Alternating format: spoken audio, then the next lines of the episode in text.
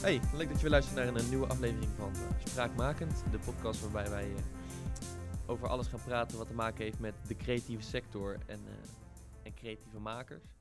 Um, vandaag zijn we in, de studio met een gast die al eerder is geweest in de, in de eerste aflevering. Ruben Zwart. Um, voor de mensen die al eerder naar de podcast hebben geluisterd, heb je waarschijnlijk niet zo heel veel introductie nodig. maar voor de mensen van wie dit de eerste aflevering is, kun je jezelf nog even kort voorstellen? Ik ben Ruben. Ik uh, werk hier op Avans. Ik ben uh, eigenlijk uh, een soort van praktijkdocent, werkplaatsmedewerker. Dus ik help studenten mee met foto, video, animatie, 3D-print en alles een beetje hands-on visueel. En daarnaast ben ik freelancer, foto, video, animatie. Ja. Dat dus, ja. ja. dat precies. Ja. En nou, ja, wat, dat laatste waar je, wat, wat je net zei, daar gaan we het vandaag over hebben. Ehm, heel deze ja, aflevering staat in het teken van van freelancen en uh, ja, zelfstandig ondernemen. Ja. En alles wat daarbij komt kijken. Hoe gaan we dat doen? Uh, ja, hoe, hoe, ga je dat... Ja, hoe... nou, we gaan van A tot Z gaan we het erover hebben. Um, want jij bent al hoe lang freelancer? Uh, goeie vraag. Ik ben in 2015 afgestudeerd, dat is weer lang geleden. Hè? En ik ben, denk ik, ik heb mezelf ingeschreven in oktober of november 2015. Ja. Ja, dus, dus ja, plus minus jaar of 4,5, 5. 4,5, ja, zoiets denk ik wel, ja. ja. ja. Dus uh, ja, een ruime bak uh, aan ervaring op het gebied van, uh, ja, voor jezelf werken. Ja. Um, Ruben in 2015, die dacht, hé, wat ga ik doen? Ik ben afgestudeerd, ga ik voor mezelf, ga ik voor een bedrijf werken? Ga ik... Hoe ben jij bij de, tot de keuze gekomen dat je dacht van, nou, weet je wat, ik ga het zelf doen? Nou, dat is eigenlijk best wel een grappig verhaal. Um, Ruben anno 2015 was net afgestudeerd. Uh, leuk project gehad, mooi afgestudeerd. Maar ja, na al die stress, of stress, weet al wat allemaal bij komt. Ik bij mezelf, tijd voor vakantie, gewoon even niks. Want je hebt geen, eigenlijk geen zomervakantie, schoolzomervakantie meer. Dat is vreemd, want die heb ik dus voortaan wel nu ik hier op vakantie werk, naast mijn eigen bedrijf. Maar um, ik dacht bij mezelf, eerst even een paar weken niks, uh, voordat ik ga solliciteren. Want ik wilde gewoon een baan. En ik had mijn zomervakantie gehad. En toevallig dus rond, nu, rond september of oktober was er een uh, student van CMD, een jaar onder mij. Die zei van, ik loop stage bij een bedrijf en uh, wij zoeken een videograaf. Jij maakt filmpjes, toch? Ik zo, uh, ja, dat klopt. En hij zei van, ja, zou je dat voor ons kunnen doen? Dit en dat. Ik zei, ja, oké. Dus ik heb me allereerst eerst offerte opgesteld. Uh, ik heb um, op MBO, wat ik hiervoor heb gedaan, heb ik uh, uh, een bedrijfsplan moeten opstellen. En leer je dus ook freelancer worden op MBO nog wel. Wat, waar ik veel van heb geleerd. Dus ik heb mijn offerte opgesteld. Ik dacht bij mezelf van, oh, dus ik heb op internet gezocht hoeveel geld ik mocht vragen. Vond ik veel te veel. Ik dacht mezelf, dat gaan ze echt never nooit doen. Offerte, het vond ik toen echt heel veel geld. Offerte opgesteld en doorgestuurd. En toen kreeg ik te horen een mailtje van, ja, dat is goed. En toen bij mezelf, shit, Volgens mij moet ik mezelf inschrijven in de KVK hiervoor. Want voor mij moet ik dit wit doen. het is ook echt een beetje gedwongen. En dat was het lot, denk ik. Ja. En had je daarvoor al wel um, ja, zwart, zwart freelance? Ja, ja. Als student zijn, dan kan dat gewoon. Ja, tuurlijk. Je mag tot 7000 euro bij verdienen. Dus, uh. Ja, ik denk dat, dat, dat iedereen uh, die ergens handig mee is... Um, en er een zakcentje uit kan slaan, dat wel zal doen. Ja, echt wel. Dan ja, moet je ook, ik zelf ook. Ik zou zeggen, doe het vooral. Want je hebt natuurlijk uh, portfolio materiaal nodig... om te solliciteren of om aan bedrijven te kunnen laten zien. Ja. Ja. En je, je zegt, maar, die, die eerste offerte die je dan hebt opgesteld. Ja, ik dacht, uh, ik, ben, ik ben hier aan het highballen op hun. Ja, ja, dat dacht ik echt toen. Dat dacht ik echt. Waar komt dat dan vandaan? Maar dat je denkt, ah, dit, dit, dit is overkill, dit is veel te, veel te hoog. Uh, ja, kijk, je, je, je weet, je bent net afgestudeerd. En um, door, eigenlijk is, uh, dan moet ik eventjes kijken, want ik, ik gebruik vaak woorden die een beetje te heftig zijn. Maar misschien is er een beetje, toch, ga ik toch zeggen, een taboe op het uh, hebben over geld. En wat kan je vragen en wat, wat niet. Dus uh, ik moest op internet, had je een of andere gare site waar je gewoon willen hoeveel jaar ervaring je had. En er kwam uit dat ik 50 euro per uur mocht vragen. Dat mezelf, ik ben gek, dat ga ik echt niet doen. Dus ik vraag 40. Dat vond ik echt veel. 40 euro per uur. 40 euro, ja, op zich voor, uh, voor, voor ja, student. Als je, je denkt ja. natuurlijk nog met de mind van de student. Ja, ja, precies. Maar je bent, het ja. raar is, en dat is dus even voor alle afstudeerders. Als je bent afstudeerd, je bent een professional. Je hebt de, tenminste, je hebt een diploma. Je hoort jezelf als een professional te zien. Als je ook het vertrouwen, klinkt heel raar. Je moet niet per se het vertrouwen in jezelf hebben, maar heb het vertrouwen in jezelf. Je hebt niet voor niks vier jaar lang gezocht. En als je weet wat je wil. Dus Ik dacht, nou, 40 euro per uur. Ja, ja joh. En daar heb ik heel, ik denk, eh, drie jaar aangehouden. 40 euro per uur. Dan Ja. dacht ik bij mezelf, niemand gaat het ooit doen. Maar Maar op zich, inderdaad, als je gaat vergelijken met mensen die al bak aan werkervaring hebben, is 40 euro valt best wel mee. ja, en je, weet dus, je moet jezelf niet gaan vergelijken met an- anderen. Want ja, het is moeilijk. Want op een gegeven moment heb ik 35 euro gevraagd voor bepaalde opdrachtgevers. Ik zal daar nog wel een, ehm, iets zeggen wat ik, eh, wat ik belangrijk vind, maar daar komen we daar ook wel op. Het is meer van, ehm, eh, wat denk je zelf waard te zijn? En je, ik heb eens een keer een accountant gehoord die vraagt 150 euro per uur. Maar dat is een accountant. Die Ja. komt bij een groot bedrijf. Die bedrijven maken heel veel geld en die zijn extreem afhankelijk van een accountant. Want als zij weten als hun geldzaken niet op orde zijn, zitten ze met een probleem. Die 150 euro per uur kunnen ze echt wel kwijt. Maar ja, wat zijn wij waard? Ja, dan weet je dus niet. Wat ben jij waard? Dus dat klinkt een hele, hele rare vraag. Vooral als freelancer. En op een gegeven moment ga je dat gewoon uitproberen. En je kan natuurlijk... dus er zijn mensen die hun eh, bedrag steeds hoger, hoger en hoger zetten. En dan komen ze bij hun, bij hun dak. Maar ik vind het vervelend om te zeggen tegen, tegen een bedrijf... hey, ik vraag voor het 70 euro per uur. En dan terug te horen... Nee, dat is te veel. Dus dan denk je bij jezelf... Oh, sorry, sorry, laten we iets goedkopers doen. Nee, dan vind ik dat heel vreemd overkomen. Ja, want dan, heb ik ja, dan kom je ook niet meer, niet meer oprecht over. Nee, precies. Dat ben je. gewoon. Kijk, eh, je, je moet geld kunnen verdienen. Je moet eh, eh, ervan kunnen leven. Maar ik denk dat je ons vakgebied niet alleen doet voor het geld. Als ik dat eerlijk mag zeggen. Zo. Nee, ik denk inderdaad, als je, als je in de creatieve sector zit, dan, dan zit daar sowieso een heel groot stuk passie bij. Ja. Eh, en je- ja, je gaat, je gaat niet, je kiest hier niet voor als je, als je gewoon puur alleen voor het geld doet. Laten we eerlijk zijn. Ja. Ehm, natuurlijk, als je, als je doel weer leuk vindt en je doet dat goed, overal valt geld te verdienen. Ehm, maar als jij zoiets hebt van, uh, I'm all, all, all in for the money. En dat is het enige wat me, wat me boeit. Ja, nee, dan, dan doe je dit niet. Ik geloof oprecht dat eh een merendeel van de bedrijven dat ook zal merken. En daar, daar heb ik daar nog een leuk verhaal over. Ook nog. Echt zoveel verhalen, hè. Van hier op helemaal voorbereid zonder dat ik iets heb Ja, opgeschreven. maar daarvoor is deze podcast. Ja, ik wou net zeggen. Maar ja, eh, heb jij dan bijvoorbeeld al, al eh, zelf opdrachten gedaan? Ja. Ja, en dan, hoe vind, je- vind je het zelf moeilijk om als student te, eh, een bedrag te Ehm, vragen? Of heb je al een ratio waarvan je weet van, oh, volgens, ik heb van zeggen horen dat ik dit bedrag kan vragen? Ja, nou goed, ik, Horen zeggen? Is bij het mij is dat dan eh, eh, webdesign en, en fotografie. Ehm, en mijn, ik ben gewoon mijn eerste klus op het gebied van webdesign. Was dan gewoon voor een, eh, een ma van een, van een vriend van me. Ehm, ja, en ik had zoiets van, oké, webdesign vind, ja, vind ik wel leuk, vind ik wel interessant. Is niet per se iets waarvan ik denk van, oh, dit is echt mijn ding. Ik ben hier mega goed in. Maar ik heb zoiets van, ja, als ik daarmee gewoon mijn, mijn skillset maar, kan uitbreiden. Ehm, of in ieder geval er iets op van kan steken, dan vind ik dat al interessant. En als ik ook nog ja, een slaatje uit kan slaan, helemaal prima. Ja, ja Ehm, precies. En op het moment zeg maar, dus dat we het over geld gingen hebben, had ik zoiets van ja, ik kan nou, het is een, eh, een, een kleine onderneming, ehm, die, die, die, die vrouw doet iets voor zichzelf, klein bedrijfje.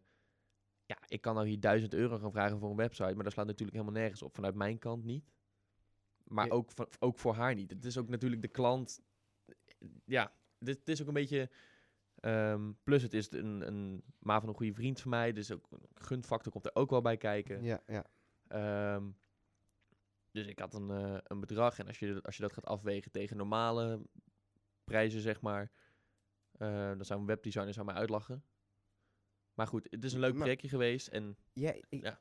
Floris, je hebt hem precies goed. Dat is precies waar, wat, het, wat ik eigenlijk bij mijn belangrijkste ding, wat ik nu zou kunnen vertellen voor, eh, want dan zijn we al heel snel lekker in de podcast. Bela yeah, you eh, hit the nail right on the head, om het zo maar te zeggen. Ehm, ben jij, weet al, voor iedereen die luistert, ben je een, eh, wil je een freelancer worden en heb je interesse? De belangrijkste les die ik heb geleerd, ehm, en dat is een hele rare les, is value your client. Er is een, ehm, ik ben even, jammer, jammer, ik ben even de naam vergeten, er is een grafisch designer eh, in Amerika en die heeft een online, of tenminste die heeft een eh, eh, Q&A gedaan, maar heeft hij ook online gezet op LinkedIn en heeft hij één les. En ik, zal, ik zal hem gewoon even helemaal vertellen voor iedereen, voor jou, voor iedereen die luistert. En hier heb ik zoveel van geleerd. Hij vroeg op een gegeven moment in, in de audience, publiek, dat is woord- Nederlands woord ik zocht, publiek, vroeg hij van, oké, wat vragen jullie voor een logo en een huisstijl? Nou, de ene zegt, ja, 300 dollar. De ander zegt van, ja, nee joh, 1500 dollar. De ander zegt van, ja, 500 dollar. En eentje zegt van 4000 dollar. Wat is het juiste antwoord? er Wanneer- is, er is geen juist antwoord. Nee, er is geen juiste antwoord. Hij zei van, nou oké, Laten we even een, eh, een voorbeeld nemen. Ehm, ik ben een grafisch designer. Ik maak logo's. En eh, ik heb best wel veel ervaring, hè. En eh, ik kan het op zich wel. En de bakker om de hoek, bakker Jan, die ken ik al mijn hele leven. Of misschien, weet je, mijn ouders kennen mijn hele leven. Ja. Maar ik ken hem niet zo goed. Maar af en toe kom ik daar langs en ik zwaai wel eens. En hij zegt van, eh, hij zegt tegen mijn ouders, zegt van, ja, jullie hebben zo'n zoon, Ruben, die eh, kan logos ontwerpen. Zou die voor mij een logo willen ontwerpen? Ik betaal hem gewoon. En eh, ik, ik wil echt een vet logo maken. En ik zit er echt 12 uur in. Hè? Dus oftewel eerst heel veel schetsen, even langzaam gaan. Je wel, welke schets vind jij vet? Ga weer terug, een paar uitwerken. Welke vind jij graag? Dan zegt hij toch van, ja, dit is een beetje de stijl die ik wil. Nou, 12 uur ingezet, ja. En op een gegeven moment zegt tegen me, wat? 250 euro, dat is goed. Voor 12 uur werk. Dat is goed. Want het is bakker Jan. Ja. Een klein bakkertje. Oké. Ikea, een van de grootste bedrijven, komt naar mij toe. Die zegt van, Ruben, jij bent blijkbaar een goede designer. Dat zou wel mooi zijn hè, als ze naar mij toe zouden komen ervoor. Hoewel ik niet zo goed een logo designer ben. Maar Ikea zegt van, we hebben nieuwe lijn producten. We hebben een nieuw logo nodig. Die gaat over de hele wereld. Wordt echt een miljoenen, tientallen miljoenen mega lijn. En die zegt tegen mij, we hebben een logo nodig. Nou, binnen twee uur Heb een logo? heb ik een logo. Ik stuur nou op. Ze weten niet dat twee uur heeft ge- geduurd, ja. Ik zeg van, oké, dat is dan eh 6000 euro. Ik zeg, oké, hoeveel uur heb je daar aan gewerkt? Ik zeg, ja, twee. Da- Daar ben ik gewoon eerlijk, hè. Ik heb twee, uur aan gewerkt. Maar ze zijn helemaal tevreden. En ook al zouden ze dat tegen mij zeggen van, ja, luister, voor Bakjon heb je 250 euro eh, neergezet. Hopelijk dat ze dat niet weten, maar het is value your client. Je weet, dat is een logo waard voor hun. Zij, weet, dat, zij gaan geen logo van 250 euro. Dat, zo- Zo'n bedrijf gaat het dus ten eerste niet vertrouwen, een logo van 250 euro. Maar ze hebben het geld ervoor. Jij weet dat ze het geld ervoor hebben. Klinkt heel gek, gek alsof je geld gaat trekken uit bedrijven. Maar het is wel weten hoeveel het waard is voor hun. En dan weet je ook wat jij waard bent. Dat is gewoon het grote, grote verschil. En ook al zouden zij zeggen van... je hebt dit maar in twee uur gemaakt... en een andere designer had voor 6000 euro 12 uur gewerkt... dan staan wij in ons recht als designers... Welk, ongeacht welk vak... dat jij tegen hen zegt van... ben ik nu benadeeld omdat ik snel en efficiënt werk... omdat ik meteen een goed logo heb... waar jullie dol enthousiast over zijn... Ja. ben ik daar nu de dupe van? Nee. Dat is of ervaring of inzicht. Of je geboren talent. Ja. Daar mogen wij nooit de dupe van zijn. Dus onthoud, value your client. Dat betekent dat je constant mega rare bedragen... want deze, dit is een heel groot verschil van 250 eh, euro Ja, naar zeker. 6000... maar even om het even te laten zien. Value your client. Komt een groot bedrijf, dan weet je wat iets waard kan zijn. Komt er iets, een, echt een klein bedrijf... ja, kijk, als je geen kleine bedrijf hebt, dat is heel fijn. Dan, je, vaak zit je in dezelfde ratio bedrijven. Grote bedrijven nemen geen opdrachten aan van kleinere bedrijven die het geld niet hebben. Nee. Zouden ze Nee. makkelijk kunnen doen. Maar als freelancer ga je wel kijken, wat is het bedrijf waard? En dat is precies wat die meneer zijn. Dus ik hoop niet dat iedereen nu plotseling eh, overdreven veel gaat vragen voor iets grotere bedrijven. Of al, al eten allemaal... eh, Iedereen die net begint 6000 euro vragen voor ja, een logo. of, of juist dit al een hele week werk voor 200 euro doen. Ja. Maar eh om, hou dat even in je achterhoofd. Weet wat jij waar bent voor een bedrijf. En dat betekent niet dat je de, het weer het dak moet opzoeken. Maar het helpt je wel. Ja, het is, het is af en toe gewoon, ehm, ja, het- het is, touw, het is touwtrekken. Af en toe moet je gewoon eens eventjes een flinke ruk durven te geven en eens even kijken wat er gebeurt. Ehm, maar ja, goed, als jij eindstand gewoon eh, de tegenpartij over de streep trekt, Ja. dan is het gewoon goed. En ehm, wat ik zelf dan merk is dat grotere partijen vaak, ehm, die zijn bereid meer in te leggen voor vertrouwen. En wat ik daarmee bedoel is dat een groot bedrijf die komt aan en die zegt, hé, hey, wij willen een logo voor dit en dat. En die gaan ervan uit, wij betalen, ja, wij betalen jou een flinke som geld. Maar dan is het ook goed. En dat is precies zoals eigenlijk, ja, van het level dat wij verwachten. En het, het, het doet precies wat we, wat, we, wat we ervan hopen, zeg maar. Ja. En een bakker Jan op de hoek, die betaalt gewoon voor... Hé, hey, ik zou graag een logo willen hebben, ik weet dat jij dat doet. Ehm, ik gun jou dat zakcentje en een, gewoon een groot ontwerpbureau is voor mij te duur. Maar als ik een logo heb, weet je wel, die gewoon mij uitschaalt, dan vind ik, dan vind ik dat prima. Zeg maar, het is ook wel een beetje dat ehm, de ene opdrachtgever die heeft andere, ehm, een andere maatstaf voor hetgene, voor het product, zeg maar, dan, eh, dan de ander. Maar dat is wel belangrijk om te zeggen. Eh, vooral mijn advies. Het belangrijkste advies wat ik wil geven bij, de, bij deze podcast over eh, werken is, heb ik nu al gegeven. Maar ehm, dat is wel een stap vooruit. Hè? Dus, want ik ga nu allemaal disclaimers zeggen natuurlijk. Ik heb nu toch gezegd van ja, value your client.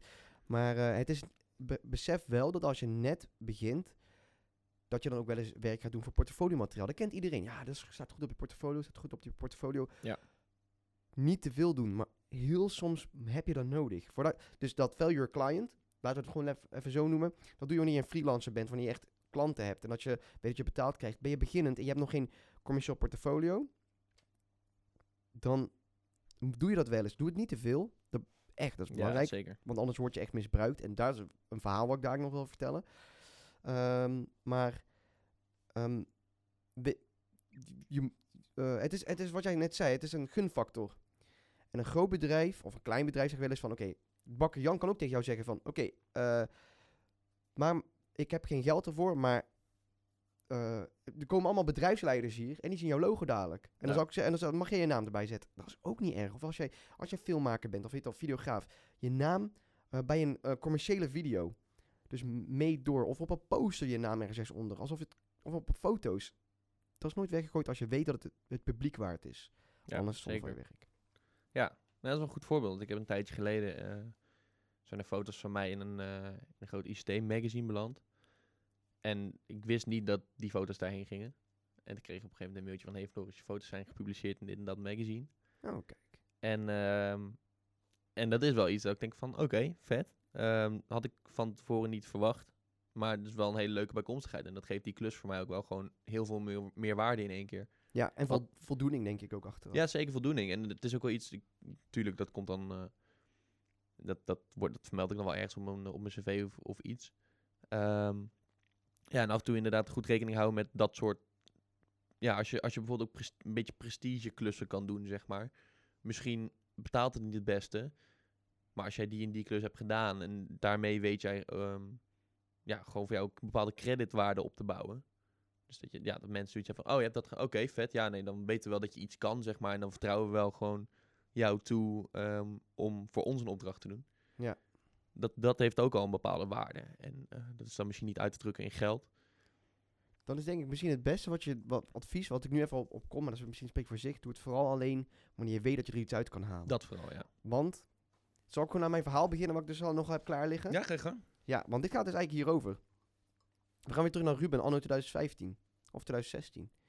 Ik was freelancer. En ehm, ik was aan het rondsolliciteren.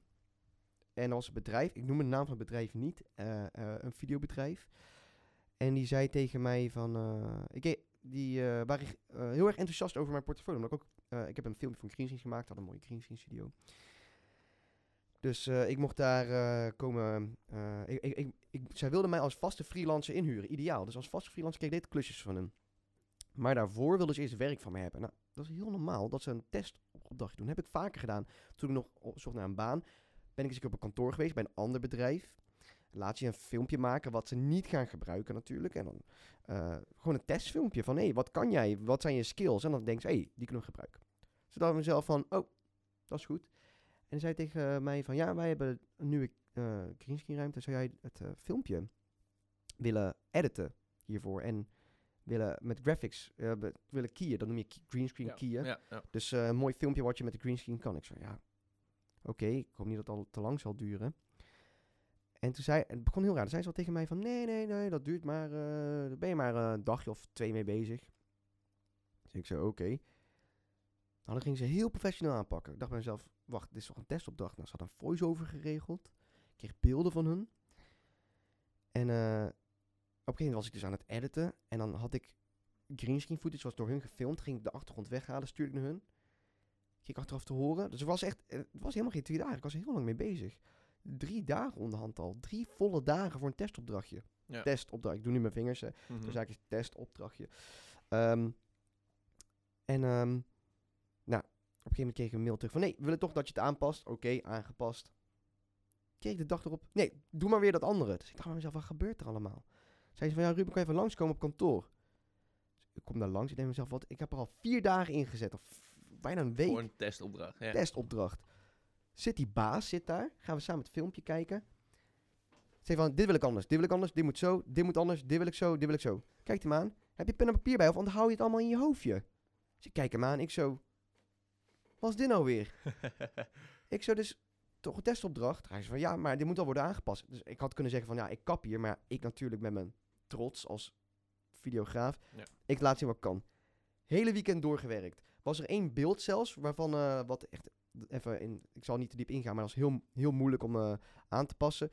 Ik zei van, nou, dit gaat mij gewoon niet luk- lukken. Werd gebeld door één iemand van dat bedrijf. Ja, een andere editor zegt dat het heel makkelijk is als jij het niet kan. Ik zei, ja, laat die het dan doen. Oh, ja, ehm, nee, oké, doe toch maar een an, ander beeld dan. ik heb dat beeld gemaakt. Hele filmpje heb ik letterlijk een week ingestoken, inclusief weekend. Heb ik knijthard aan gewerkt. Een testopdracht. Ik dacht mezelf, hier, ik zal laten zien wat ik kan. Kom ik erheen. Boden ze mij een eh, contract aan dat als ik dat filmpje in mijn portfolio zou doen, als ik dat had getekend, en een ander bedrijf zou het zien, zou ik een boete van 20.000 euro krijgen. Boeteclausule, dat is heel normaal bij bedrijven, vooral als je freelancer bent. Maar ik had het hele filmpje, ik heb een echte promo voor hen gemaakt, gratis. Ik heb zelfs geen bioscoopbon gehad. Dus ik heb de figuurlijke middelvinger gegeven. Ik heb niks tegen gezegd natuurlijk. En ben gewoon weggegaan. En ik heb het filmpje op mijn portfolio staan, want ik heb niks getekend. Ik wilde daar niks meer mee te maken hebben.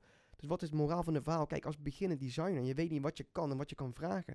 Ik ben dus eigenlijk zwaar misbruikt. Ja. Als designer, als goedkoop beginnend eh, videograaf en editor, zijn mijn skills gebruikt door een bedrijf om een gratis filmpje. En dan als je dat in uren omrekent, wat dat filmpje waard is. Wat zij nu nog steeds op de site hebben staan. Ik kan zeggen dat ze het van de site af eh, eh, gaan halen. Maar ik ben iemand, ik wil gewoon niks met het bedrijf te maken hebben. Klinkt heel flauw. Ja, dat is mijn ja. verhaal. Dat is puur persoonlijk. Maar het idee is van, let gewoon goed op wat je doet. Het is niet erg om te zeggen nee. Klinkt, eh, eh, oh, ik ga even heel naar, naar eh, zijpad noemen, maar, eh, nemen. Want een vriend van mij zei tegen mij, en dat vind ik een beetje heftig, maar die zei van, ja, je bent creatief verkracht. Ik zo, ja, hoezo dan? Ja, ja ik ben misbruikt tegen mijn wil. Ja. En ze hebben mij dingen laten doen die ik niet wilde, maar die ik toch soort van heb moeten doen. Ik heb het uiteindelijk natuurlijk zelf gedaan. Eerlijk gezegd, ik had gewoon kunnen zeggen, dit ni- heeft niks met die heftige dingen te maken. Maar ik had gewoon zelf kunnen zeggen van, ik had het niet willen doen, ik ben er klaar mee. Maar ze hebben mij gewoon misbruikt in dat opzicht. Dus ik dacht bij mezelf van, ja, heftige term. Laten we hopen dat eh, niet iedereen dat zo ziet. En eh, ik, heb, ik probeer het ook niet zo te zien. Maar het klopt wel. Ik ben creatief misbruikt. Het klinkt heel vreemd. Jongens, geen zorgen. Ik voel me gewoon goed. Niks aan de hand. Niks aan overgehouden. Maar ik heb dus geleerd. Er, Ja. zijn gewoon, er zijn gewoon geldwolven. En die meneer was gewoon een zakenman. Ik, ben, ik heb hem daarna gegoogeld. Hij was een, eh, ehm, een zakenman. Hij deed eh, ehm, eh, vooral marketing. En die zag gewoon een gat in eh, video's. Videomarketing. Die produceert superveel video's die allemaal awards hebben gewonnen. Hoe die awards winnen weet ik zelf niet. Want de kwaliteit is Ja. ja. Maar pas vooral goed op. En da- ik, ben, ik ben erin beland. En dit heb ik ook vaker verteld als ik het over freelance heb tegen andere studenten. Pas vooral goed op. Want wij, ik ben zelf gewoon, een- tenminste, ik zeg wij, ja, maar daarom zeg ik, prik, pak het terug naar mezelf. Ik ben een creatieveling, zo zie ik mezelf het liefst. En ik maak gewoon toffe dingen. Daardoor keek ik dus ni- niet naar hetgeen waar het om gaat. Ja, Geld. Ja, Of we inderdaad. nou willen of niet, het gaat om geld. Ja, en in die end is dat wa- waar je als freelancer ook zeker rekening mee moet houden. Is dat je bent niet alleen ehm, een creatieve maker, maar je bent, je bent ook gewoon zakenman voor jezelf. Ja, en dat had ik dus toen niet door. Ik dacht bij mezelf, ja, ze willen mij gewoon... Ik, ik was gewoon naïef. Mezelf, Ja. dit wordt gewoon een tof bedrijf. En dat was heel pijnlijk. Dat, heb, dat was, hij heeft mij echt een knauw gegeven. Dat ik dacht van, ja, iedereen wil gewoon... Toen, eh, ja, iedereen wil gewoon geld. En bij de volgende opdrachtgever heb ik heel erg lopen peilen. En een beetje heet al, desnoods zelfs naar eh, hoe die er zat. Naar de vibe, naar de non-verbale communicatie gekeken. Kan ik deze wel vertrouwen? En dat, dat, en dat heeft me wel op scherp gezet. Geloof me, er zijn echt hele leuke opdrachtgevers. Mensen die meedenken, die geven mij de ruimte. Maar er zijn gewoon mensen die het voor één ding doen, dat is geld. Ja. Even goed om te weten. Dat vond ik ook belangrijk om te zeggen. Ja, zeker. En dit is dan in het geval natuurlijk als je bij een bedrijf gaat freelancen. Ja, maar dat kan van iedereen zijn. Ja. Ik heb ook verhalen gehoord, andere verhalen waarvan ik de details niet wilde, we- weet. Dus ehm daar zal ik niet te diep op ingaan. Maar dat kan ook bij freelance. Als iemand zegt van, oké, ehm, eh, eh, of je hoort het ook wel eens bij bruiloften. Als je miscommunicatie is over prijs, ja, wie is dan in zijn recht? Dus dat is altijd lastig. Het gaat om geld. Dat is belangrijk. Het gaat soms ook om heel veel geld. Ja. Wees er duidelijk over. En weet ook wat jij kan terugverwachten. Ja, zeker. Dat, was, dat wist ik dus niet. Ik deed iets en ik wist dus niet het contract wat ze... Ik wist helemaal niet wat ze mij zouden aanbieden. Ja. Wat is eigenlijk stom van mij. Ja, want dit was een potentiële werkgever. Ja. Eh breng me bij de volgende vraag. Waarom ben je nou uiteindelijk ehm, voor jezelf gaan werken en niet voor een werkgever? Goeie vraag. Ehm, ik ehm, heb... Kijk, ik, wat ik al zei, ik, ben, ik zie mezelf als creatieveling. En een van de dingen is heel erg sociaal werk. Ik vind het tof. Nou, er waren niet veel bedrijven toen de tijd waarbij je als echt videograaf aan de slag kon gaan. Dus dat betekent dat je naar de set gaat, je spreekt met mensen, je, bent, eh, je doet eh, de werving, zeg maar, echt eh, de klantencontact en daarna ook nog filmen, editen. En als freelancer ehm, ben je je eigen baas. Je werkt in je eigen uren. Dat is natuurlijk wel een, wat je vaak hoort. Al, mensen hebben er vaak over een trainingsbroekje aan, theetje erbij Ja, en lekker ja. eh, thuis werken. Dat is natuurlijk ook. Maar eh, je hebt volledige controle. En dat is heel fijn. Dat is heel- je, kan, je, je weet wat jij neerzet van begin tot eind. Ik praat met de klant. Ik heb het idee dat ik weet wat zij willen. Als er iets niet klopt, kan ik weer met hun contacten. Dus die wisselwerk vind ik heel fijn. Je bent heel dicht bij de actie. Er zit niemand tussen. Soms wel heel, heel, heel eh, ironisch. Soms zit, werk ik dus voor een reclamebureau die weer een klant hebben. Maar die brengen mij in, in, eh, in contact met de klant. Nou, er zullen luisteraars zijn die hier misschien op stage zitten of wel werken. Die zeggen van ja, dat heb ik ook gewoon op mijn werk. Maar dat was, die kans had ik toen de tijd niet. En dit vond ik echt heel, heel tof. Enig minpunt, ik mis sparringspartners. Ik maak iets en Ja. ik vind het tof. En achteraf hoor ik van iemand van ja, misschien had je dit zo kunnen doen. Hebben ze wel eens ook gelijk. Ja, feedback tussendoor, dat, eh, Ja. ja, Ja, dat ja. ontbreekt. Ja. Ja. Alright, alright. En, ehm, nou goed, je gaat, dus, je gaat dus voor jezelf. En je gaat dus denken van, ik ga zelf mijn geld verdienen. Ik ga zelf alles doen precies zoals ik het wil. Ja. Ehm, maar daar heb je natuurlijk opdrachtgevers of klanten voor nodig. Ja. Hoe, Dat hoe, is, hoe ben jij, zeg maar, in je, in je beginstadium aan je, aan je opdrachtgevers gekomen? dat is ook weer een mooi voorbeeld. Voor mij heb ik juist, eh, het klinkt heel gek, voor mij kom ik overal de slechtste eh, eh, eh, freelancer ooit. Want eigenlijk heb ik daar heel slecht aangepakt. Eh, maar daar heb ik ook weer wat van geleerd. Ik heb altijd veel met video gewerkt. En ik was dus freelancer via de eerste opdracht. Dit al, iemand vroeg mij, kan je een filmpje maken? Ik zei, oké, ik blijf moet bij de KVK. Ja.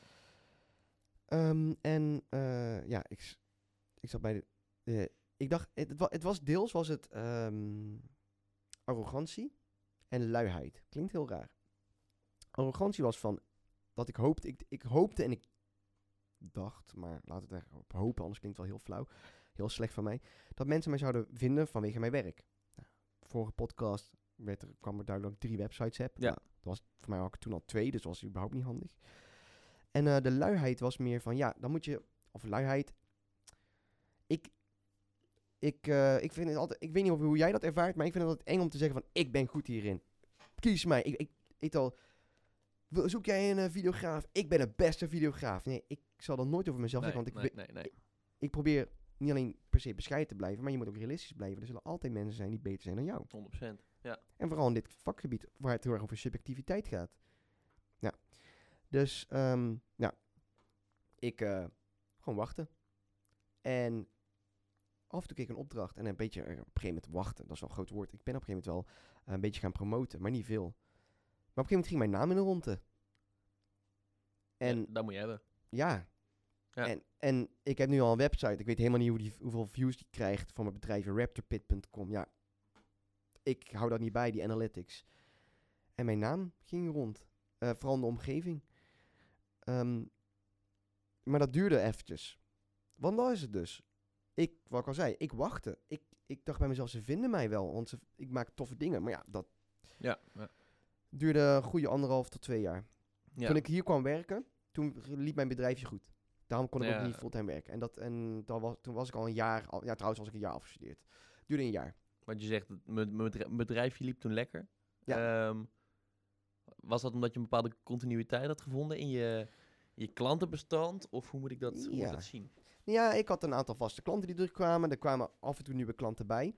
En ehm, wat, je, wat je wilt, is dat je, een, eh, dat je ongeveer, als je het uitrekent, een vast bedrag krijgt. Want we gaan even terug naar de core. Het is freelancen. Je werkt voor opdrachtgevers. Je hebt een kleine opdracht, een grote opdracht. Je hebt geen opdracht of je hebt veel opdrachten. Dus de ene maand verdien je maar 200 euro. En de andere maand dik in de duizenden. Dat klinkt wel heftig, maar Ja. paar duizend. Dus dat reken je uit. Wat wil je ongeveer per, per maand kunnen verdienen? Een hieltje brood eh, op de plank kunnen hebben. Als dat het goede gezegd is. Ehm, ja, een brood op de plank, ja. ja, kijk, zie je, ik heb mijn gezegd dus wel. Ehm, en de, dat, dat moment had ik toen. Toen ik dacht van, oké, als ik hier helemaal voor ga, zou ik hier ongeveer wel van kunnen leven. Maar ik ben iemand die, ik zocht vastigheid. Toen kwam Avans, nou dan krijg je gewoon elk, en omdat ik hier gewoon contact eh, heb Kijk, elk, eh, elke maand krijg ik een bepaald bedrag. En daar ben ik nu ook van afhankelijk. Dat wist ik. Als ik die eenmaal zou krijgen, zou het afhankelijk van worden. Ik wil gewoon weten wat op mijn rekening komt. En dat is bij freelancen. Alle freelancers die hier naar luisteren, die het ook gewoon heel goed doen, zullen het ook wel weten. Je spaart heel veel als freelancer. Ja, je moet wel. Ja. Ja. Want je kan bijvoorbeeld, als je het goed doet, je gaat meteen alles uitgeven en de volgende maand is het even een rustige maand. Ja, wat dan? Ja. Dus dat, dat moment had ik toen, ja. Zeker Ja. weten. En, en ehm, ben je dan ook voor jezelf heel productief erop gaan, op gaan, gaan zitten, zeg maar, dat je bepaalde klanten ook vast kon houden? Of, Ehm, dat is denk ik een eh, hele natuurlijke wisselwerking. Die klanten kennen mij, ik ken hun. Je kent het DNA van bedrijf na een paar opdrachten, ze zijn enthousiast over je werk. En als je dan bellen, dan weet je ongeveer waar zij aan toe zijn. En waar ik aan toe ben om iets te maken. En, eh, dat is denk ik belangrijk. Maar vaste klant is gevaarlijk, hè. Eh, en gevaarlijk is niet juist, eh nu lijkt net weer alsof ik naar dat enge verhaal ga van net. Maar meer gevaarlijk in de zin van hoe, als het een leuk bedrijf is. Maar als om een of andere reden zij stoppen met jou. En als zij een derde van jouw inkomsten zijn, mis je dadelijk een derde van je Ja. inkomsten als het niet meer doorgaat. Dus vaste klanten is altijd wel tricky. Je vaste klanten zijn ideaal, maar dan moet je wel die zekerheid hebben. Want als ze stoppen, Ja. ja, wat dan? of wat er een hoop, hoop eh, Ja, te verliezen. echt wel, ja. Alright, alright. Ja, ik moet zeggen dat ik het zelf... ehm, ja, ik, ik werk dan nog niet in, in zo'n grote mate dat ik mezelf echt als, als freelancer zou bestempelen, zeg maar. Het is meer op, eh, ja, op, op incidentele basis. Ehm, maar inderdaad, als, als mensen weten van... hey, die kan dat en dat doen. Ik heb bijvoorbeeld met fotografie een aantal klussen gehad. En, eh, eentje van was wel leuk. Toen eh, kreeg ik super last minute van eh, via via te horen van... hey, er is een, een gala. Dat moet worden gefotografeerd. En ja, zou je dat kunnen doen? Ik zei, ik kan het wel doen. Dat is, het is, wat was het, volgens mij twee dagen verder of zo. Kreeg, eh, woensdag kreeg ik een berichtje, vrijdagavond zou het, eh, zou het gala zijn. Ik zou maar, ehm nou wat schuift het? En ik heb eerst het balletje bij hun neergelegd. Slim. Ehm, en zij zeiden ze van, ja, ehm, ja, onze vaste fotograaf die heeft afgezegd. En we zijn een beetje desperate op zoek naar, een, eh, naar iemand die het kan doen. Ehm, ja, wat, wat, wat, wat wil je ervoor hebben? Want, en ze, ja, ze gaven dus zeg maar een beetje de urgentie van de zaak aan. Dus ik had ook wel door van, ik, ik hoef je niet te gaan zeggen. Er was toen, eh, toen, toen ja, een paar jaar terug, ik was eh, ja, net beginnen, zeg maar. Ik had hier en daar wat, wat promotiewerk gedaan voor, voor ehm, kleine DJ's, weet je wel, ehm, presfoto's gemaakt en eh, voor mensen hun social media kanalen. Best wel grote dingen, zeg maar. Maar ik, ik had niet van mezelf van, oh, ik kan nou eh, big money gaan vragen of zo. Ik was ook nog gewoon, eh, gewoon een studentje en, eh, en ik had zoiets van, nou, maar bij deze klus, ik weet wel, ik weet wel dat ik hier hoger kan gaan inzetten dan ik normaliter heb gedaan. Ja, dat is een beetje dat value your client misschien Ja. dan toch. Dus Ja. ik heb, ehm, ik heb voor mezelf lopen denken, wat ga ik doen? Ga ik mijn, het tarief wat ik hiervoor dacht van dit vind ik wel een mooi bedrag, ga ik dat dubbelen? Ga ik dat verdriedubbelen? Eh, ga ik dat verviervoudigen? Hoe gek, hoe gek ga ik? Ja. Ehm, en ehm, ik heb gekeken naar wat is de opdrachtgever? Wat zouden zij ongeveer te besteden hebben? Ehm, in dit geval was het de sportvereniging, maar wel een eh, ja, wat, wat duurdere sport, zeg maar, om het zo maar even te noemen. Ja. En zonder al te veel in details in te gaan. En toen, toen heb ik op een gegeven moment gedacht van, nou, weet je wat, ik ga gewoon eh, 2,5 keer op mijn, op mijn oude tarief, wat ik in mijn hoofd had van, dat vind ik een mooi, mooi bedrag.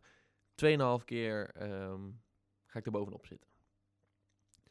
En ehm, omdat het zo kort dag is, ga ik, kom, kom ik ook aan met, ik wil al mijn reiskosten vergoed hebben. Omdat ik natuurlijk ook daarheen moet en... Eh, sowieso altijd een goede om rekening mee te houden. En meer dan logisch natuurlijk. Meer dan logisch inderdaad, ja. Want ik bedoel, eh, iedere tijd dat jij de deur uitstapt om naar die klus te gaan... Kijk, als het stel hetzelfde is een kwartiertje fietsen, ja, daar doe ik niet moeilijk over. Maar als ik gewoon het OV moet gaan pakken naar een andere stad of whatever. Ja, ik bedoel, dat is gewoon allemaal tijd. Ja, dan ben je misschien wel een uur weg, hè? half weet, half ja. uur terug. Ja.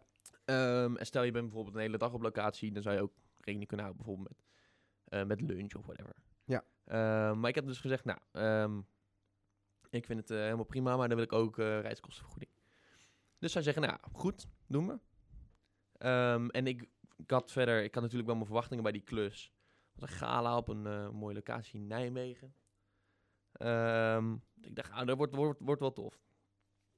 En want ah, bij gala heb je natuurlijk het idee van, eh, oké, mooi groot feest. ehm, ja, een, een, leuke sfeer. eh valt veel te fotograferen, veel te zien.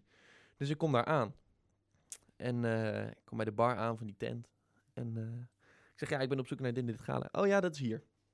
Dus ik kijk en er zitten daar allemaal mensen die dineren. En dat was niet wat ik had verwacht. Ik, ik ging uit van een feest en dat was ook wat, wat mij was gebriefd. Dus eh, op een gegeven moment staat er iemand op. En, en ik, daar zat denk ik oprecht een man of... Nou, ik denk, ik denk niet meer dan 35. Wauw. Ehm, maar ik had dus, ja, oké, prima, weet je wel. Het is misschien, misschien wat te vroeg. Ehm, dus eh, er staat iemand op. Zij zei, ja, ben jij, eh, ben jij Floris? Ja. Jij komt fotograferen. Ja, klopt. Ja, we zijn nog eventjes aan het dineren, maar eh dadelijk dan eh, gaan alle tafels aan de kant en dan is hier het feest. Dus dan bouwen we even op en dan, ik zei, oh, oké, oké. Zij zei, ja, ga lekker zitten, ga en, eh, ja, pak lekker, eh, pak lekker een biertje of eh, whatever. Ehm, Mooi geregeld. ja, hoort zeker. erbij, hè? Hoort erbij, hè? Ja, nee, maar dat, dat vind ik wel netjes. Want Ja, ehm, ja, ja. dat- dat- ik heb ook wel eens meegemaakt dat ik eh, ergens kwam fotograferen. En dan word je echt als voetvolk gezien. Ja, maar je, je bent daar om te werken. Dan Je mogen bent, tuurlijk, je bent ja. om te werken. Maar, Maar je bedoelt, ze, ze, ze moeten wel rekening houden dat jij zo speciaal bent gekomen natuurlijk. Ja. Nou, mooi. Nou, vertel verder. dus dus ik, ik kreeg, ik Wordt kreeg spannend. drankje. En eh, ze zeiden ook van ja, als je, als je wat drinken wil of zo, loop gewoon naar de bar. eh, het is allemaal op onze kosten. Dus ik, nou, keurig. Ehm, maar ja, ik heb dus het eerste half uur, drie kwartier. Ja, ik heb, ik denk, ik heb denk tien foto's geschoten van, eh, van het diner, zeg maar. Ja. Want het liep maar uit en het toetje moest nog komen. En ja, daar viel gewoon nog niet heel veel te fotograferen. Op een gegeven moment heb je na, na tien shots zeg maar, van het diner heb je het ook wel gezien, zeg maar. Ja. Ehm, en daar ging het ook niet om. Dus eh, nou, uiteindelijk gingen ze op, opbouwen. Dat duurde ook weer een half uur. Dus ik heb gewoon een uur en een kwartier heb ik daar gezeten. Wauw. ehm, zonder überhaupt... Ja, ik denk dat, ik- dat ik misschien tien minuten mijn camera tevoorschijn had. Maar ja, goed, ik ben daar wel voor hun. Ja, en wat heb je met die uren gedaan? Die heb jij? Die heb ik gewoon gedeclareerd. Natuurlijk, Zeker. dat moet je ook doen. En dat heb ik ook gewoon geschreven van... Hé, hey, ehm, ik heb de eerste uur en een kwartier heb ik niks, ja, niet zoveel geschoten. Maar ehm, ja, ik ben daar wel gewoon... Jullie hadden die tijd gezegd. Dus ik heb die tijd vrijgehouden voor jullie. Ja. Zij zeiden, nou, helemaal prima. Is verder niet ergens ons, onze fout. Of ja, in ieder geval ons. Ligt aan ons. Dus nou ja, dat feestje begon. En ik zei, hoeveel, hoeveel man eh, komt er ongeveer vanavond? Ja, nee, ik denk dat er ongeveer nog... eh, ja, er waren een paar die er niet bij, niet bij konden zijn. Er komen er nog acht. Ze waren in iets van 45 mensen of zo. Ja. Dus 43 nog Ja, ongeveer. Plus minus, ik heb ze niet geteld, maar... eh, Niet veel. Dus ik dacht, oh. Dus dat ging zeg maar van een, ehm, ja, zeg maar een party eh, Ja. fotografie shoot naar van, oh shit, dit wordt, dit wordt heel anders dan... Mindset helemaal anders. Helemaal alles omgooien. ehm, op mijn gear. Ja, ik, ik, ik had natuurlijk gewoon mijn spullen meegenomen. Maar als ik dit van tevoren had geweten, dan had ik wel andere dingen meegenomen. Dus ik heb er nog gauw, ehm, gauw ja, wat, wat bijgedraaid, zeg maar. Wat eh, geïmproviseerd. Ik had bijvoorbeeld, eh, ik weet nog wel, mijn, eh, mijn flitser, die, die deed het niet. Of, ja, er was, er was iets mee aan de hand. Dus ik heb aan de bar heb ik gewoon een stuk wit karton gevraagd. Die heb ik even geknipt. Zodat ik de pop-up flitser van mijn spiegelreflex kon gebruiken. Ah, kijk, slim. En zodat ik zeg maar zelf het, ja, mijn licht als het ware kon bedienen. En dit was in dit geval heel erg nodig. Omdat die setting die was veel intiemer. Want al die mensen kennen elkaar wel heel erg goed. Dus het, uiteindelijk, ehm, ja, dan, kwam een DJ en weet ik het allemaal. Ehm, en dat was wel grappig, want die, die kwam dus ook draaien. Eh, die was ook gewoon niet van hun feest, zeg maar. Wauw, ze hadden het groot aangepakt. Ze hadden het dus. heel groot aangepakt voor een hele kleine groep. Wauw. Ehm, alleen daar, daar stond ik op een gegeven moment ook mee te lullen. En die zei ook van ja, ik had het ook wel wat groter verwacht. Maar ja, goed hè, je, je, je doet gewoon waarvoor je betaald wordt. Ja. En eh, ja, maar eindstand eh, was, er was een uitdaging. Ik had me er totaal niet op, op voorbereid. En het was in één keer helemaal omswitchen. Ehm, maar goed, ik heb wel gewoon ehm, gekregen wat ik ervoor heb gevraagd. En het was, ja, het was wel een uitdaging. Ze hadden op het gebied van fotografie dan was een eh, behoorlijke uitdaging, want ze hadden wel verlichting, maar dat, was, ehm, dat moest kaarslichten imiteren. Dus dat Oh, was, donker dus. heel warm geel en Ja. donker. En verder waren er geen andere lichtbronnen. Dus dat was, eh, was een goede uitdaging. Zo, oké, dat, is, dat is wel heftig, ja. Ja, en eh, nou, dus echt, ehm, ik ging daarheen en het is maar goed dat ik daar gewoon een goede prijs voor heb gevraagd. Ja, Want had ik daar mijn oude tarief voor gevraagd, dan weet ik niet of ik daar, of ik daar vrolijk had gestaan. nee, dat- tuurlijk niet. En dat is dus dat, een beetje dat, dat, dat pingpongen, dat over en weer gaan. En wat je ook net zegt, die uren dat jij wacht. Kijk, bedrijven, ik heb er, Je wil niet weten hoe vaak ik dat heb gehad. Dat er een presentatie is of iets. En dan heb jij, als je daar zeven goede foto's van hebt. Ja, dan heb je genoeg. En die presentatie duurt anderhalf uur. En ze weten gewoon, ja, na de presenta- presentatie begint. Maar ze weten, je, ze betalen jou per uur. Telkens als je niet thuis bent, kan jij geen andere opdrachten aannemen. Je kan geen andere opdrachten krijgen. Je kan geen administratie doen. Waar daar ook nog over wil beginnen. Het Ja. leukste gedeelte van freelance administratie. Ehm, en eh, ja, dat bedrijven zijn er zeker van bewust. Dus voor de mensen die eh, ook eens een keer gaan freelancen als een bedrijf is. En ze gaan moeilijk doen. Want je, je hebt helemaal niks gedaan. Omdat je niks kan doen. Je bent daar. En je kan voor de rest nergens in. Als het is afgesproken en zij willen dat je daar bent. Meer dan eh, logisch dat zij eh, alles uitbetalen. Ja, het klok- klokje begint te tikken vanaf het moment dat je daar binnen staat. Eigenlijk, ja, eigenlijk als, als je ver weg gaat. Het moment dat je weggaat. Ja, Want dan al- zelfs, ik, heb, ja. ik heb in Noord-Friesland moeten filmen. Nou, dan is het gewoon 2,5 tot 3 uur rijden. Dan ben ik dus 6 uur kwijt ongeveer. Een kleine 6 uur om te rijden. Ja. en als ik daar maar anderhalf uur ben, ben ik gek dat ik anderhalf uur ga vragen. Ja, of de klus moet heel goed betalen en dat moet, moet je daarmee kunnen opvangen. Maar Ja, bijvoorbeeld. Maar ja, eigenlijk is het dan alsnog heel normaal om alsnog tijden ja, of benzine, sowieso altijd benzinekosten te declareren. Ja. Dus dat. Maar ja, er zijn dus heel veel. Kijk, dan, je, dit soort verhalen hoort, moet je dus horen als freelancer. Want je loopt hier zelf tegenaan. En het is fijn om te horen hoe anderen. Want misschien gaan andere mensen er weer anders mee om. Maar dat is het dus. Het, ieder heeft zijn eigen ervaring. Ik heb op een gegeven moment tegen stu- studenten gezet over dat rotverhaal van mij. Dat ik dat filmpje heb gemaakt voor de greenscreen. Ik heb expliciet gezegd: Dit is mijn verhaal. Maar alsnog, student, er is een kans dat studenten of beginnende freelancers of andere freelancers of freelancers die al heel lang bezig zijn zelfs, dit, dit gaan meemaken. Ja. En je moet weten hoe je mee om moet gaan. En je moet ook durven. En dat is denk ik ook bij een ja, freelancer. dat, dat is het inderdaad. Je, je, en daar had ik heel veel moeite mee. Om, om, om, om, eh, daar heb ik altijd al moeite mee gehad. Om eh, te zeggen van, hé, hey, ik wil dit, ik vind dat. Eh, maar dan leer je wel als freelancer. Ja, het is vooral ehm, een, een bedrijf die hecht een bepaalde waarde aan jouw diensten. Maar jij moet ook ehm, gewoon kijken van, hey, vind ik die opdracht voor die prijs dat ook wel waard? Ja. Want stel, jij staat een hele middag, sta je ergens, ja, het hangt vanaf natuurlijk wat je doet, maar stel je bent ergens een hele middag mee bezig en je vindt het echt, echt een, een klote baantje. Ja, dan moet je denken van, zou ik dit, zou, zou ik dit heel vaak willen doen voor dit bedrag? Ja. Of heb ik zoiets van, als ik nou mijn bedrag verdubbel, vind ik het dan minder erg om te doen, omdat ik weet dat ik er zo goed voor betaald krijg. Ja, en dat, is, dat, dat zeker weten. En wat je dus natuurlijk ook krijgt als freelancer. Freelancer wordt vaak eh, heel erg gero- geromantiseerd. Toevallig om hierop in te haken. Van ja, je krijgt allemaal toffe opdrachten. Je bedrijf wordt heel groot. Ja, misschien wordt je bedrijf wel groot. Maar je krijgt altijd opdrachten die niet leuk zijn. Ja. Ja, zeker. Je krijgt altijd opdrachten die niet leuk zijn. Ja, en- en, ja die moet je gewoon doen. En dan ehm betaal... Misschien is het veel werk, misschien betaalt het goed, misschien betaalt het niet goed. Maar de vraag is inderdaad... eh, wil jij jouw werk doen ja, eh, voor, voor dat soort klusjes? En het probleem is, dat is geen ja of nee kwes- kwestie. Pas als je eh, genoeg opdrachten hebt, kan je opdrachten zeggen van... Nee, die doe ik niet, die doe ik ook niet, die doe ik wel, die doe ik wel. Dat is echt een luxe. Maar in het begin, je, als je wil beginnen, elke opdracht willen aannemen. ja, neem je alles Ja. aan. Neem je alles aan. Weet je, en of het, dan, of het dan leuk is of niet, of je het heel tof vindt, of, eh, of het is echt een pain in the ass. Maar goed, eh, op, ik denk dat je op, op alle manieren wel er iets uit kan halen. Positief of negatief, eh, maar overal leer je wel van. Ja. En ik denk dat je ook af en toe wel eens van die momenten moet je hebben dat je denkt, ja, ik had hier wel, ehm, ik had hier wel meer mogen vragen, of ik had, Ja. ik had daar beter wel kunnen aangeven, zeg maar dat ze nog een, met die extra vraag waarmee ze kwamen, Ja, dat ik er beter niet had kunnen doen. Daar leer je van. Waar je ook bijvoorbeeld tegenaan loopt, wat ik ook heb gehad, is dat eh bedrijf X zegt: Hé hey Ruben, wil jij een voor ons maken?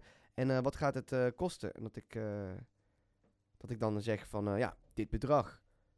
Oh, zo weinig? Dat ik denk van shit, oh, ik zit echt heel erg Ja. hoog in ze willen nog hoger. Het kon, nog, het kon of slash mag nog hoger. Of natuurlijk dat eh, een bedrijf komt die er wat groter uitziet. Ja, dit is het bedrag dan. Oh, dat is wel een beetje boven ons budget. En je moet weten, grotere bedrijven, of, en ook- kleinere bedrijven hoor, maar grotere bedrijven die hebben vaak een bepaald budget. Er valt wat te onderhandelen en sta altijd open voor onderhandelen. Je kan ook altijd zeggen, wat, ik, wat je het best kan doen, wat ik dus ook altijd doe. eh, als een bedrijf komt en zegt van, eh, wil je een filmpje maken? Zeg van, dit is bedrag. En ik ken het bedrijf nog niet. Zeg van, dit is bedrag. Eh, mocht er de vraag zijn over het bedrag, kunnen we nog altijd even over hebben.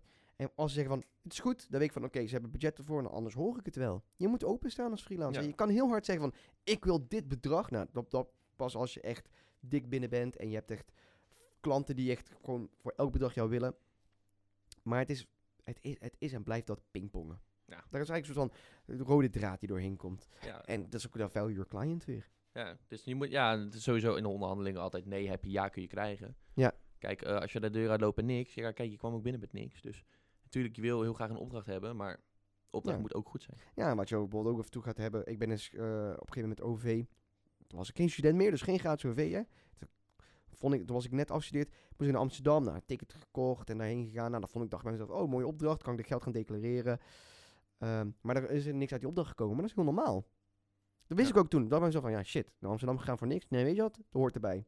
Ja. Dat soort dingen allemaal. En natuurlijk eh, dat uh, burgertje daar dadelijk naar administratie te zijn nog eh, iets hebt staan.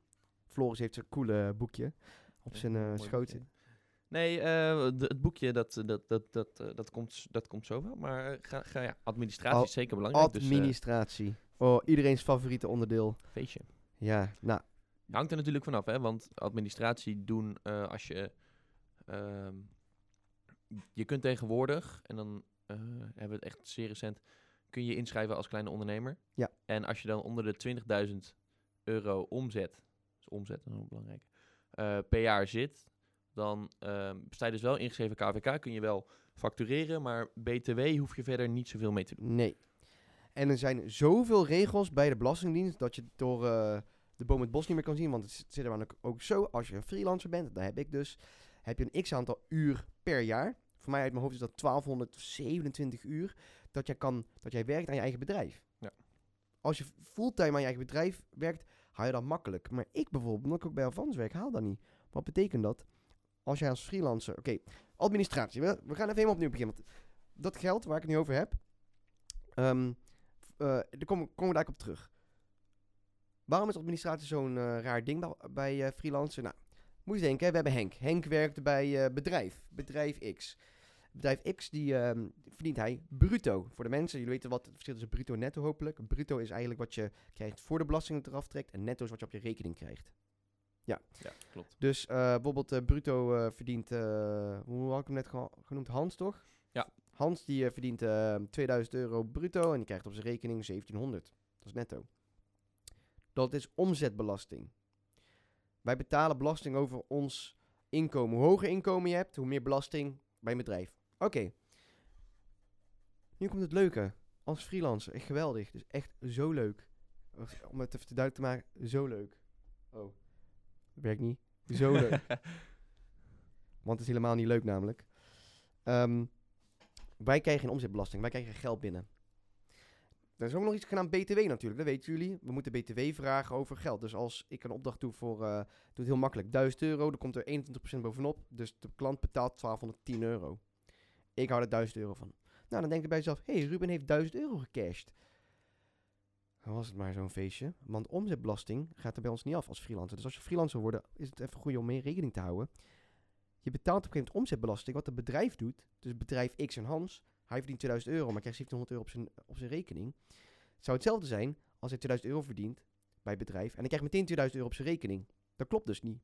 Dus ik betaal geen, als freelancer betaal je geen omzetbelasting. Pas aan het eind van het jaar moet je over je hele jaaromzet omzetbelasting betalen. 38%.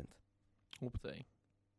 En dan moet je even weten als, als freelancer. Dat is dus een deel van administratie en kosten die je maakt. Ja. Nou, daar kan ik heel, heel diep over ingaan. Dat als je meer koopt, dat je omzet omlaag gaat, dan heb je minder omzetbelasting. Maar ja, dan als je een huis wil kopen, wordt het wel lastiger, et cetera, et cetera. Maar laten we doorgaan even naar het leuke deel. Spullen kopen met, tussen haakjes, korting. Korting is gewoon de btw die eraf gaat. Maar er zijn alleen maar spullen die jou helpen bij het bedrijf. Als je wordt gecheckt bij de, door de Belastingdienst en je koopt dit al een bank, bankstel op je bedrijf. Dat is wel een beetje eh, Ja, tenzij je een kantoor hebt natuurlijk. ja, nou, zou, nou kan precies, het. dan zou het kunnen. Een tv-scherm zou ook kunnen. Je kan heel veel kopen eh, voor je bedrijf. Ja. Eh, maar het is, eh, het, dat is ook weer lastig. En wat je dan daarnaast hebt. En nu komt het echt administratieve deel. Er is een opdracht. Ik maak een offerte misschien. Offerte hoef ik niet per se te bewaren. Dan, ben, dan is het klaar. Oké, chill. Ik maak een factuur. Ik verstuur de factuur met een factuurnummer. Met mijn btw-nummer en mijn KVK-inschrijving. Die factuur bewaar ik in mijn factuurarchief voor het geval dat ik wordt gecheckt. Het geld komt op mijn rekening. Dat moet worden gecheckt. Ehm, dan krijg ik dat bedrag binnen. Moet ik op een gegeven moment BTW gaan betalen erover. Dan moet ik eh, eh, BTW-belasting betalen. En dat is heftig. Dus als, eh, en ik doe allemaal, allemaal administratie zelf. Dus kort gezegd, het hele verhaal. Ik doe mijn eigen administratie. En dan komt, gaat veel tijd in zitten. Je kan een eh, boekhouder eh, regelen. kost wel geld, maar is wel een stuk makkelijker. Maar ik heb het gewoon zelf willen doen. En eh, wees bereid dat je gaat... Kijk, ik, ik ben best wel geoot van mezelf. En je wilt geen fouten maken met de Belastingdienst. Je wilt geen fouten maken met, met, met bedragen. Dan krijg je echt een boete. Ik heb al een keer een boete gehad. heb ik daarna rechtgezet. Moet ik even zeggen. Eventjes om goed te praten. maar ik heb al een boete gehad. Ja. Het houdt je ontzettend scherp. Want je moet echt opletten wat je doet. Bonnetjes bewaren van de dingen die je koopt, waar je 21% btw op terugkrijgt, omdat je die voor je zaak koopt. Maar bewaar een bonnetje. Zet het in een, in een eh, overzicht. Dan kan je het geld allemaal terugvragen. Net met je opdracht. Op een gegeven moment moet je btw afstaan en omzetbelasting over je hele jaar. Je moet alles bijhouden. En dat is... Er komt veel bij kijken. Ja, zeker. Onderschat het als ondernemer niet, al als beginnend freelancer. Je gaat op een gegeven moment echt een boekhouder eh, nodig hebben of je gaat het zelf boekhouder spelen. Want eh, inderdaad, op een gegeven moment op lange termijn, stel je werkt zoveel dat ehm, of je hebt geen tijd meer om je administratie zelf te doen, omdat je non-stop aan het werk bent. Ja. Ehm, en dat, dat heeft dan meestal te maken omdat je gewoon heel veel opdrachtgevers hebt.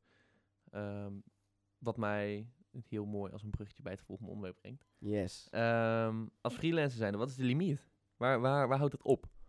Ik bedoel, je kunt heel veel opdrachten aannemen. Je kunt, maar op een gegeven moment heb je gewoon, zit, dan zit die werkweek vol.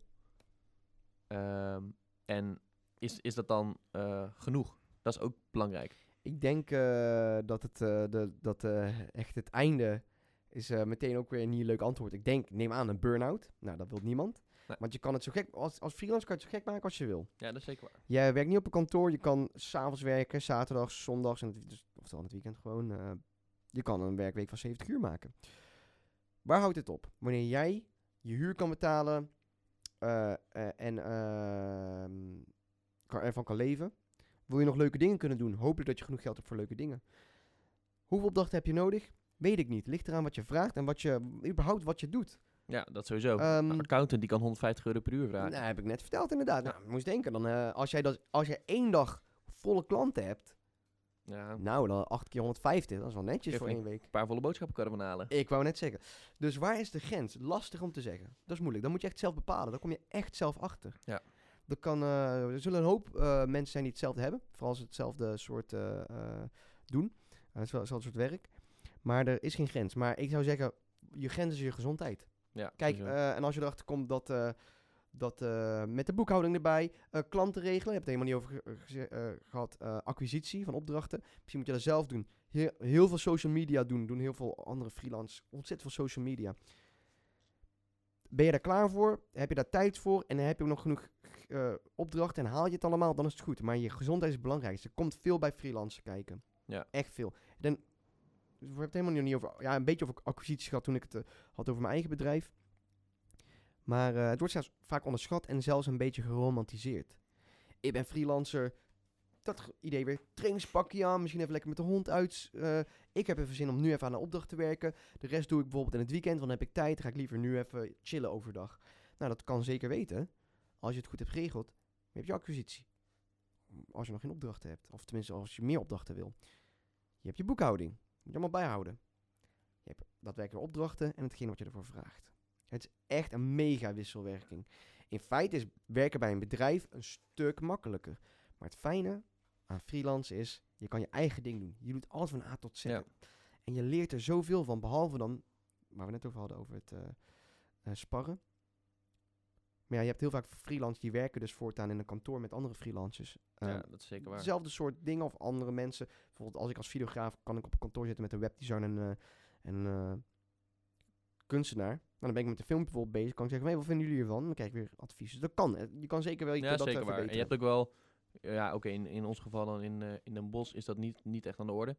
Maar steden het, als komt Amsterdam... steeds meer, het komt steeds meer. Het komt steeds meer. Nee, maar bijvoorbeeld in, eh, in Amsterdam en Utrecht zie je bijvoorbeeld meer plekken als, eh, snel voorbeeld, Soho House is een plek. Dat is, dat is echt een heel gek fenomeen. Dan betaal jij, een, net als een sportabonnement, je betaalt een vast bedrag per maand, dan mag je daar zijn. Ja, Alleen ja, in dit geval is dat gewoon een plek met alleen maar flexplekken, vergaderruimtes, werkplekken, lounges. Is eigenlijk heel erg gek. Dus je betaalt eigenlijk voor... Ja, het is niet je eigen kantoor. Ja. Ehm, het is- je, je betaalt een soort iets wat fancy uitgevallen openbare bibliotheek. Waar je een vast bedrag per maand voor betaalt. Eh, dat soort plekken die ehm, stimuleren wel inderdaad om, om samenwerking tussen creatievelingen te boosten. Eh, maar goed, ja, dan moet je, je moet die commitment en eh, dat geld er natuurlijk maar voor over hebben. Ja, maar ja, dat kan je natuurlijk wel als kostenpost zetten. Ja. Dan kom je bij het administratieve, administratieve gedeelte. Eh, maar dat is weer eh, dat verhaal. Maar dat, is, dat zou een heel, heel mooie oplossing zijn. Dan kom bij het volgende. Ik ben bijvoorbeeld freelancer in video en animatie. Daar heb je een hele sterke computer voor nodig. Dus ik heb een vaste computer. En dan krijg je dat ook vaak. Ja. Dus ik werk vanuit thuis. In dat opzicht. Maar ik zou met mijn laptop voor fotografieopdrachten of andere opdrachten zou ik... eh, Ja, illustratieopdrachten doe ik ook af en toe. Dan eh, ik zou ook eh, ergens anders kunnen zitten. Ja, zeker. Zeker weten. En als je als, als freelancer zijnde ehm, wilt groeien. Dus stel, jij wil bijvoorbeeld ehm, jouw, jouw maandinkomen van een gewoon ik kan ervan leven. naar een ik wil hier royaal van, van kunnen leven, zeg maar. Om gaan zetten. Ehm, dan moet je heel erg gaan spelen met die factoren, bijvoorbeeld van prijs, ehm, ja, wat, wat, hoeveel je je, je, wer- je werk of het type opdrachtgevers ehm, gaan upgraden. Ja. Wat, dit is meestal aan de orde als, als de limiet is bereikt, zeg maar, van, van Ja. wat jij in je tijdsbestek kunt. Ja. En met je gezondheid. Heb, jij, heb jij daar dus bijvoorbeeld zelf al stappen dat je dacht van, nou, weet je wat, als ik nou eens eventjes in die klantengroep, zeg maar, andere, andere type opdracht ga aannemen, waar ik meer voor kan vragen. Of bijvoorbeeld voor minder tijd hetzelfde kan verdienen. ehm, dat ik op die manier ja, groei ehm, kan genereren. Ja, ja dat is. Dat is ehm, het, het, het, is een logisch. Het dat de stap zelf is logisch. Je moet. eh, je, eh, we gaan weer naar eh, Jan, de bak om de hoek. Doe een opdracht ervoor. Laten we zeggen, ik maak een filmpje voor Jan de Bak. Echt, hopelijk ziet het er een tof filmpje uit, maar ik krijg er maar weinig geld voor. Klein Ja. bedrijfje. Er komt een gozer daar, die heeft eh, met eh, drie van zijn vrienden een goedlopend eh, webbedrijfje. hey, leuk filmpje, maak een filmpje voor webbedrijfje. Filmpje gemaakt voor een webbedrijfje, heb ik iets voor meer kunnen, kunnen vragen misschien. Groter bedrijfje. Hun website, nee, zij maken een website voor een bedrijf dat logistiek doet. Groot bedrijf. Leuk filmpje. Ga ik daar weer heen. Groter bedrijf, nog grote opdracht. Dus het wordt telkens opgepikt. Dus zo kom je vaak in een hoog segment. Maar je hebt ook mensen, studenten of een freelance die echt worden geboost door één opdracht. Eh, ik weet nog eh, dat eh, in een jaar onder mij was er een jongen die was, zat, ehm, was stage aan het lopen in Portugal. En daar was een hele bekende barbier daar. Daar kwam een bekende voetballer. Ik ben even zijn naam vergeten, maar een hele bekende. Met dat, vol met tatoeages en al, Ja, al die meiden vinden hem knap. Ik ben niet zo van voetbal. Nee, ik ook niet. Jullie weten waarschijnlijk wel, luisteraars hopelijk. En die, eh, die zei van, ja, we hebben een filmpje nodig, je bent videograaf, wil jij een filmpje voor ons maken? Nou, natuurlijk tof filmpje gemaakt. Zeker. Ik weet niet hoeveel geld ze daarvoor hebben gehad. Tienduizenden views, dat wil je. Gewoon op YouTube, half Zeker. viral. Nou, die kreeg toen opdrachten, dat kan ook. Ja. Je kan, maar het gaat erom, je, je, je, eh, het is natuurlijk ook weer een wisselwerking tussen eh, goede, goede producten leveren en de juiste klanten vinden. Want ik bedoel, als, als jij bij, even een voorbeeld, en ik zeg niet per se dat het slecht is, helemaal niet. Maar je hebt vaak van die festivalfotografen of videografen, die blijven binnen festivals. Ja. Want dat is een hele heftige stijl. Eh, misschien kan je daar, vanuit daar naar eh, een musicvideo gaan voor een eh, rapper of een, of een bandje. Maar vaak blijven ze in die scene. En wat je dus hebt als je denkt van oké, ik wil bedrijfsvideo's maken. En je, en je doet alleen maar festivals. Ga dan alsnog even naar, naar, naar Jan de Bakker en doe het even voor een prikkie. Ja. Maar zet hem op jou, want als, jij, als jouw site wordt bekeken door andere festivals, maar er zit een of andere gozer zegt van hé, hey, ik wil voor mijn festival een filmpje, maar hij heeft ook een filmpje voor Jan de Bakker gemaakt. Hé, hey, mijn ehm, oom heeft een eh, bedrijf dat tapijten eh, schoonmaakt. Hé, hey, mooi. Dus zorg ervoor dat je binnenkomt bij eh, het type klant wat je wil hebben. En eh, dat duurt soms lang. En ik ben zelf niet per se daarna aan het eh, zoeken. Ja, ik ben altijd wel aan het zoeken, maar ik ben er niet echt actief mee bezig om naar binnen te komen. Maar het gebeurt wel bij mij, want het, Ja. het gebeurt. Eh, als, je het, als je het gewoon zo wilt doen. Eh, als je er echt haast bij hebt en je wilt echt royaal van kunnen leven, zoals je net zei, eh, dan, dan wordt het gewoon connecties. Want kijk, wat ik al zei, ik ben op dat opzicht een redelijk luie ondernemer. Dat is- kan ik eerlijk toegeven. Niet dat ik lui werk of weinig doe voor mijn op- opdrachten. Nee, dat, ik werk heel, heel hard voor mijn opdrachten en voor mijn opdrachtgevers. Maar ik ga niet naar netwerkborrels. Eigenlijk bijna nooit. Ja. Ga daar dan vooral heen. Ontmoet andere mensen. Eh, wie weet wie daar komen. Ga naar eh, eh, Young Creator, is natuurlijk een bekende Facebookgroep. Ga daar eens een keer heen. Die hebben wel eens meetings. Daar heb ik ook veel van opgestoken. Heb ik ook connecties van overgehouden. Zorg voor een netwerk. Mensenkennis, alles. Dat is Ja, wat ze zeggen. En, en, bij mij gaat het dus langzaam. Of ik ging het langzaam. Nu gaat het natuurlijk een stuk sneller dan vroeger. Want ik dacht bij mezelf, ja, bedrijven komen naar mij toe. Dan kwam eindelijk eens een keer bedrijven naar mij toe. en dan leerde ik daar weer via andere mensen kennen. Ja. Ehm, en ehm, Maar als je dat snel wil hebben, we doen het vooral zo. Ja, Ja. het is, het is eh, Ja, het is gewoon kijk, kijk wat het beste Ik- bij jouzelf aansluit en kijk welke pace je aan kunt nemen. ik denk dat er geen één ander onderwerp is wat zo'n over zo'n constante wisselwerking gaat als dit. Ja, zeker. Ja. zeker. Ja, en ja, laten we eerlijk zijn. Het is ook gewoon heel erg leuk om een Sligo-pas te hebben. Ik heb van een macro-pas, maar dat is Macro-pas. vet. Ja, al- ja, als je kijkt naar de voordelen van, van freelancen. Ja, en natuurlijk eh, dat je inderdaad... Ja, natuurlijk wel gewoon je bedrijfsgerelateerde spullen. Maar Ja. Meestal is dat ook wel gewoon... Als je dit doet, dan is het ook gewoon je hobby en je passie. En, eh, Ja, Ja. ja. en eh, weet je wat het is? Je gaat heel erg anders naar dingen kijken. Want ehm, ik werk voor bedrijven. Ik geef een factuur. En ik knal die BTW er maar bovenop, want dan krijg je die BTW terug. Ja. Zij zijn ook een bedrijf, dus die BTW voor hun maakt niks uit. Ehm, maar op een gegeven moment heb ik dus een bruiloft gedaan. Dus ik zet mijn bedrag, BTW erop. En op een gegeven moment iemand zegt tegen mij, ja, dat is wel veel, hè? Dat is niet wat we hebben afgesproken. Omdat ik alleen maar in exclusief BTW denk. Ik zeg, oh ja, sorry, dat klopt. Net als wanneer, ik, wanneer je een camera ziet, ik- als videograaf, een rekenmachine erbij. Wat is die zonder BTW? Want dat is wat ik betaal. Ja. Je gaat heel anders kijken naar bepaalde dingen. Ja, ja. En, en dat is toevallig administratief. En dat klinkt plotseling een stuk minder saai zo, denk ik. ja, zeker. Ja. Ja.